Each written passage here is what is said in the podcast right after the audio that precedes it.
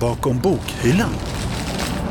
Det är ju ett tips att inte varje dag fortsätter att vara en pluggdag även om man har saker som ska lämnas in. Så att planera för det och planera lite paus. Vad som händer i livet handlar väldigt mycket om tillfälligheter. Så man ska liksom inte haka upp sig på ett betyg. Men någonting kan jag liksom säga nu med facit i hand är att det löser sig.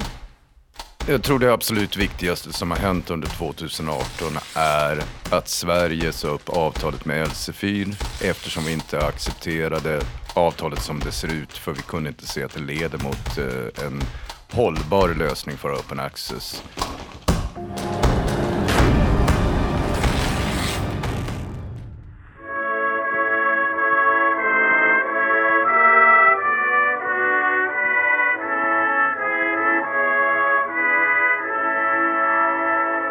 Det hade ju varit jättehärligt uh, om någon hade sagt det till en uh, precis innan man äntrade den här världen. Att så plugga. Plugga vad jag tänkte säga vad fan du vill, men det kanske man inte får säga. Nej men plugga vad du vill och plugga hur mycket du vill. För det är aldrig, liksom, ja, men det är aldrig i onödan. Det ena leder många gånger till det andra. Så genom att äntra universitetsvärlden så, så kan andra dörrar öppnas. Det där var Avin Kadir som var med i de första avsnitten av Bakom bokhyllan. Vi ska återvända till henne emot slutet av programmet. För i detta julavsnittet av Stockholms universitetsbiblioteks podd Bakom bokhyllan så ska vi gå tillbaka till ett par av höstens program och återigen träffa några av gästerna. Först ska vi till Studenthuset och träffa Studie och språkverkstan. Så här lät det i avsnitt tre när Urban Göransson träffade John Arvidsson och fick tips om bra studietekniker.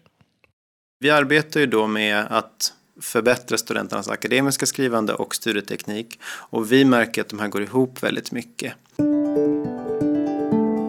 Till eh, Studio språkverkstan på Stockholms universitet där John Arvidsson jobbar som pedagog kommer runt tusen studenter årligen för att få personlig hjälp med sitt eh, akademiska skrivande och studieteknik. Och anledningarna, ja de är många men eh, kortfattat specifikt handlar det ofta om att studenten behöver bättra på sin planering och läsning. Men John, hur läser man effektivt då? Ja, då handlar det om att man behöver vara medveten om att man ska läsa på olika sätt beroende på vad man vill ha ut av det man läser. Vi brukar ju alltid rekommendera att man börjar med att skapa sig någon slags överblick över det man ska läsa eh, och fundera på varför man, man läser det. Eh, och den här överblicken kan man få genom att eh, en sån enkel sak som att läsa på baksidan om det är en bok. Man kan titta i innehållsförteckningen och se vilka delar som ingår. För att om man dyker in på sida 1 och tänker att man ska läsa sidan 1 till 300 i ett svep så eh, gör man det, ja men då gör man sig själv en otjänst. För oftast så har man någon slags förförståelse för det man ska läsa. För att eh, har man valt att eh, utbilda sig till någonting så har man förhoppningsvis ett intresse av den utbildningen och då finns det lite små saker som man redan kan. Och om man då tar sig tiden att eh, bilda sig en uppfattning om vad det är man ska läsa då kommer man att märka att just det, men det här och det här känner jag ju igen. Och då har man aktiverat sin förförståelse.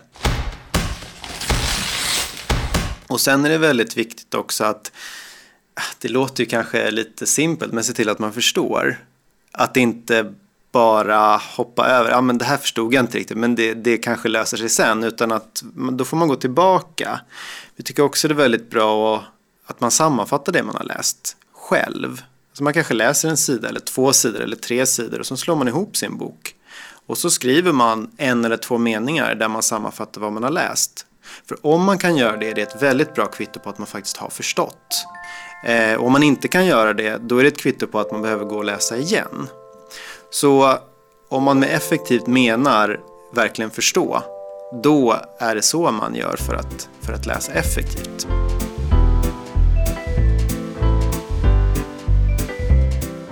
Ja, det där är ju utmärkta tips. Men under jul och nyår är det kanske svårt att plugga.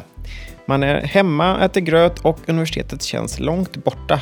Men sen kommer ju januari och för många är det då inlämnings och tentaperioder. Jag har därför träffat Karin Dahl som är pedagog på Studio språkverkstan för att prata om hur man kan balansera julledigheten med tentaplugg. Ja, det är ju lite olika om man har mycket att jobba med som ska in i januari eller om man kan ta lite paus. Eh, det är ju bra att göra det faktiskt. Ta, ta lite paus och låta eh, tankarna på studierna kanske vila lite grann.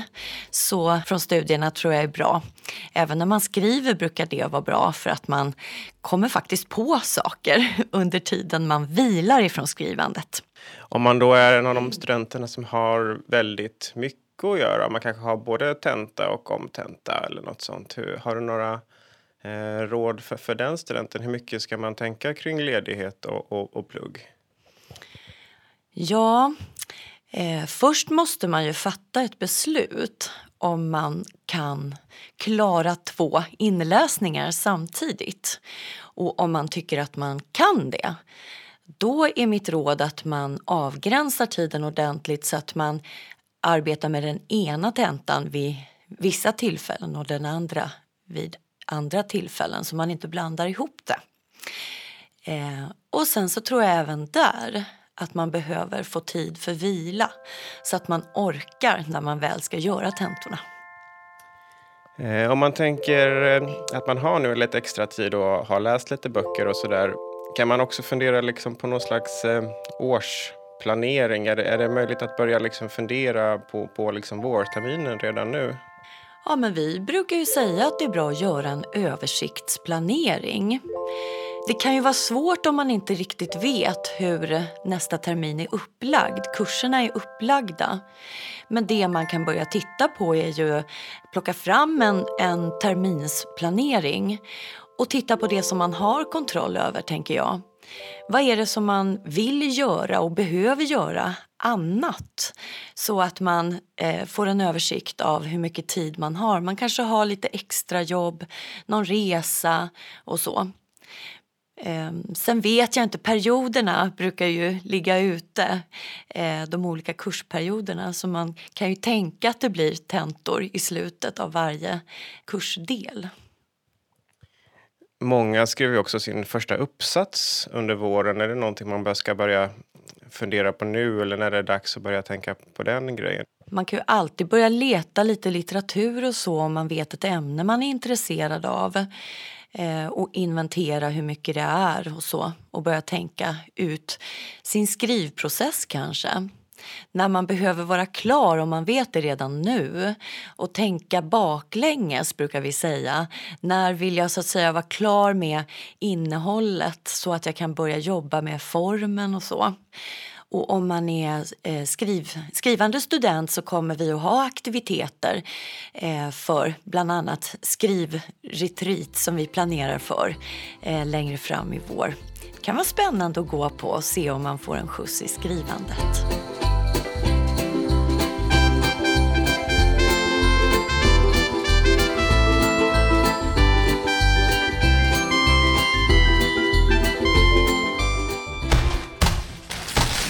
Bakom bokhyllan.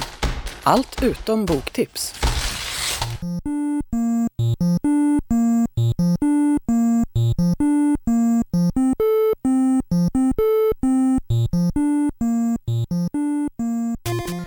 Något som varit i fokus inom universitetsvärlden under 2018 är öppen vetenskap. Alltså den rörelse som arbetar för att offentligt finansierad forskning ska vara fritt tillgänglig för både allmänhet såväl som för forskningssamhället. I Bakom bokhyllan har vi två avsnitt som handlar om öppen vetenskap. Det senaste avsnittet, alltså nummer sju, och avsnitt nummer fem. Och från det ska vi lyssna på när Julia Milder träffade Wilhelm Widmark. Bibliotekets främsta uppgift har alltid varit informationsförsörjningen, att förse forskare och studenter med litteratur. Och om vi ändrar till ett öppet vetenskapssystem så måste biblioteket tänka om hur vi arbetar med de här processerna. Det här är Wilhelm Widmark, Stockholms universitets överbibliotekarie, alltså högsta chefen för universitetsbiblioteket. Öppen vetenskap har varit ett stort fokus för biblioteket sedan han tillträdde som överbibliotekarie för sex år sedan. Men det har hänt mycket inom området bara under det senaste året. Ja, öppen vetenskap är ju ett väldigt brett paraplybegrepp egentligen. Det biblioteket har fokuserat på först nu är ju att arbeta med open access till publikationer och öppen data. Att hjälpa våra forskare att eh, publicera öppet. I somras sa alla svenska universitet upp avtalet med Elsevier, ett av de absolut största vetenskapliga förlagen. En av anledningarna var skenande kostnader för prenumerationer, men också en affärsmodell som är väldigt ogynnsam för universiteten. Julia Milder förklarar. Det är alltså universitetens forskare som gjort det vetenskapliga jobbet och skrivit artiklarna. Sen lämnar man över dem till förlagen utan någon ekonomisk ersättning. Och det är sedan andra forskare som granskar artiklarna och arbetar som redaktörer för tidskrifterna, även det utan betalning från förlagen. Och efter det så köper biblioteken på universiteten tillbaka tillgången till de här artiklarna via höga prenumerationsavgifter eller licensavgifter för tidskrifterna. Även många av de artiklar som universitetets egna forskare har skrivit. Och för allmänheten är de vetenskapliga resultaten som är finansierade med offentliga medel i många fall helt inlåsta bakom betalväggar. Och det är ju ett system som vi måste försöka ändra på. Att dels har förlagen en väldigt hög vinstmarginal. Som är pengar som borde gå till forskning och inte till vinster i de kommersiella förlagen. Och det är här då öppen vetenskap verkligen kommer in, att vi försöker ändra systemet att betala för publicering istället för att betala för läsning. Och det ger ju en mycket större samhällsnytta också för alla som både i hela världen som sitter utanför som inte kommer åt de här artiklarna nu för att det är väldigt höga kostnader. Så det är både ett ideologiskt och ett ekonomiskt eh, perspektiv. Grunden för forskningen är ju att man vill bli läst och att flera ska kunna bygga vidare på forskningen. Och som systemet är idag så kommer inte alla åt den forskning som eh, bedrivs vid universiteten i världen. Förutom Elsevier-avtalet var årets stora nyhet Plan S, EUs plan för öppen vetenskap. När jag träffar Wilhelm Widmark för att reflektera över 2018 så är det just de två nyheterna som han lyfter fram.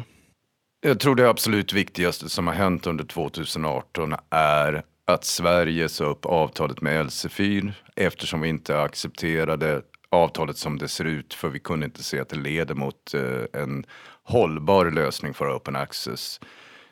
Det är den absolut viktigaste punkten vi har gjort nationellt. Men sen om vi ser internationellt som bygger vidare på det här är ju plan S, de tankarna som har kommit att försöka driva förlagen att flippa till open access på ett eh, strategiskt sätt framåt.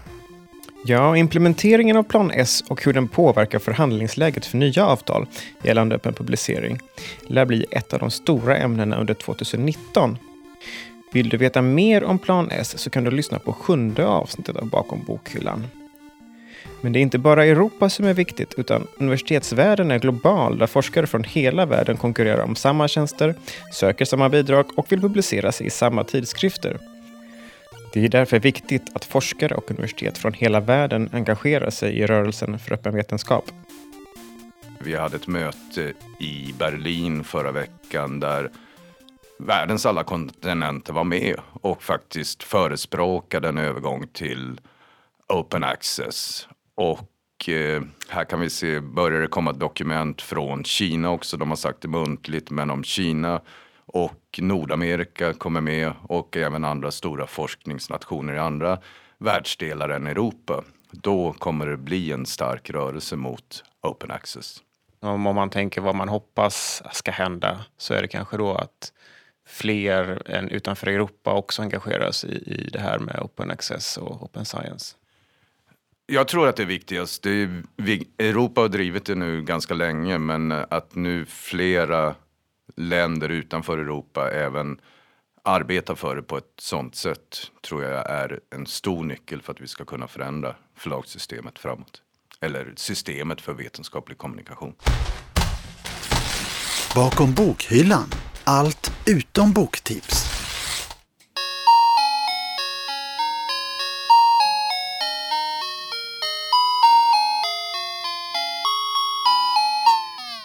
Slutligen ska vi åter till Avin Kadir som Julia Milde träffade när Avin var i slutet av sin utbildning på juristprogrammet.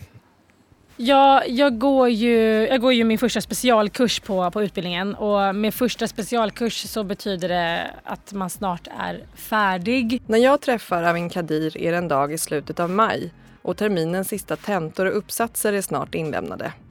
Vi sitter på en takterrass och blickar ut över naturreservatet som breder ut sig bakom campus.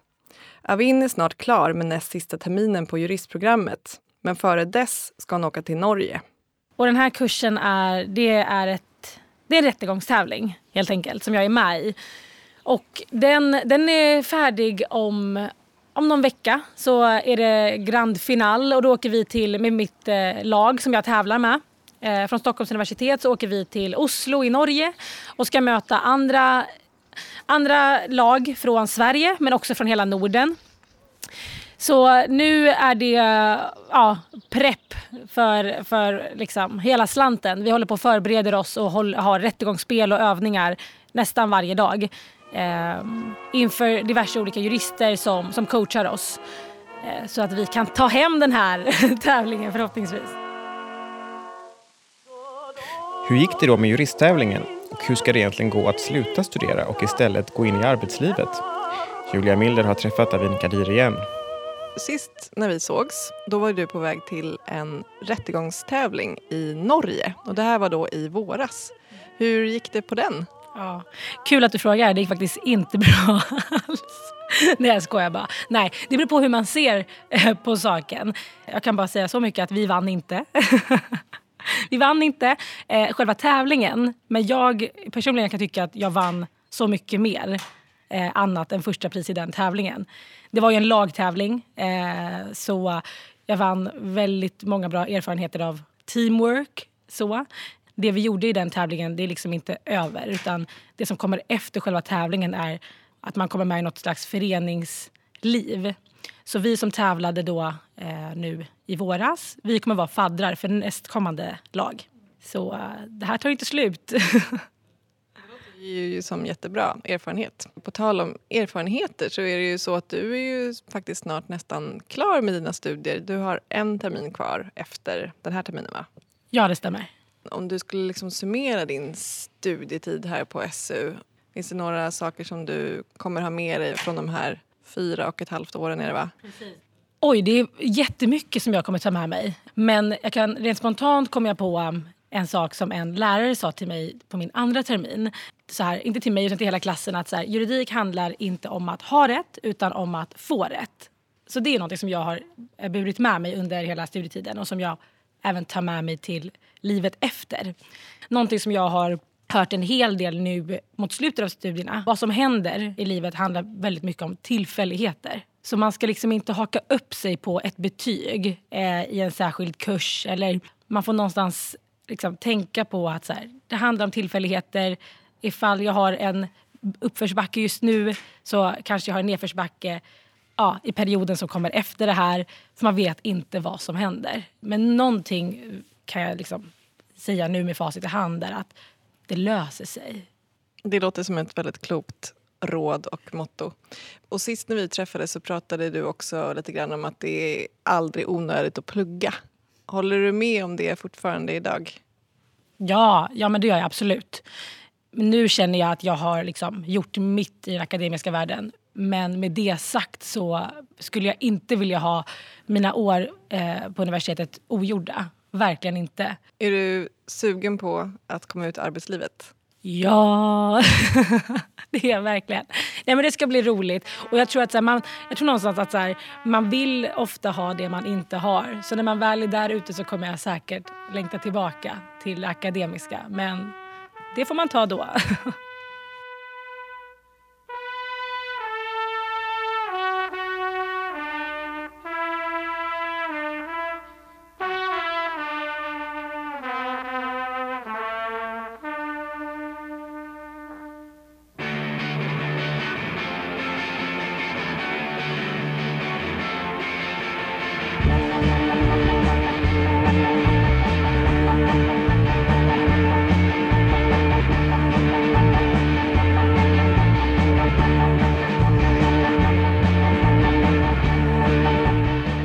lyssnat på 2018s sista avsnitt av Stockholms universitetsbiblioteks podd Bakom bokhyllan. Vi som jobbar med programmet är Julia Milder, Urban Göransson och jag, Karl Edqvist. Kontaktuppgifter och mer information om programmet hittar du på su.se bibliotek bakom bokhyllan. Programsignaturen Die Zeitung är komponerad av tonsättaren Stefan Levin. All övrig musik i programmet är licensierad som Creative Commons och låtlistor hittar du på vår hemsida. Nu följer vi Karin Dahls råd och tar lite julledigt, men vi är tillbaka igen den 22 januari. Vi ses då!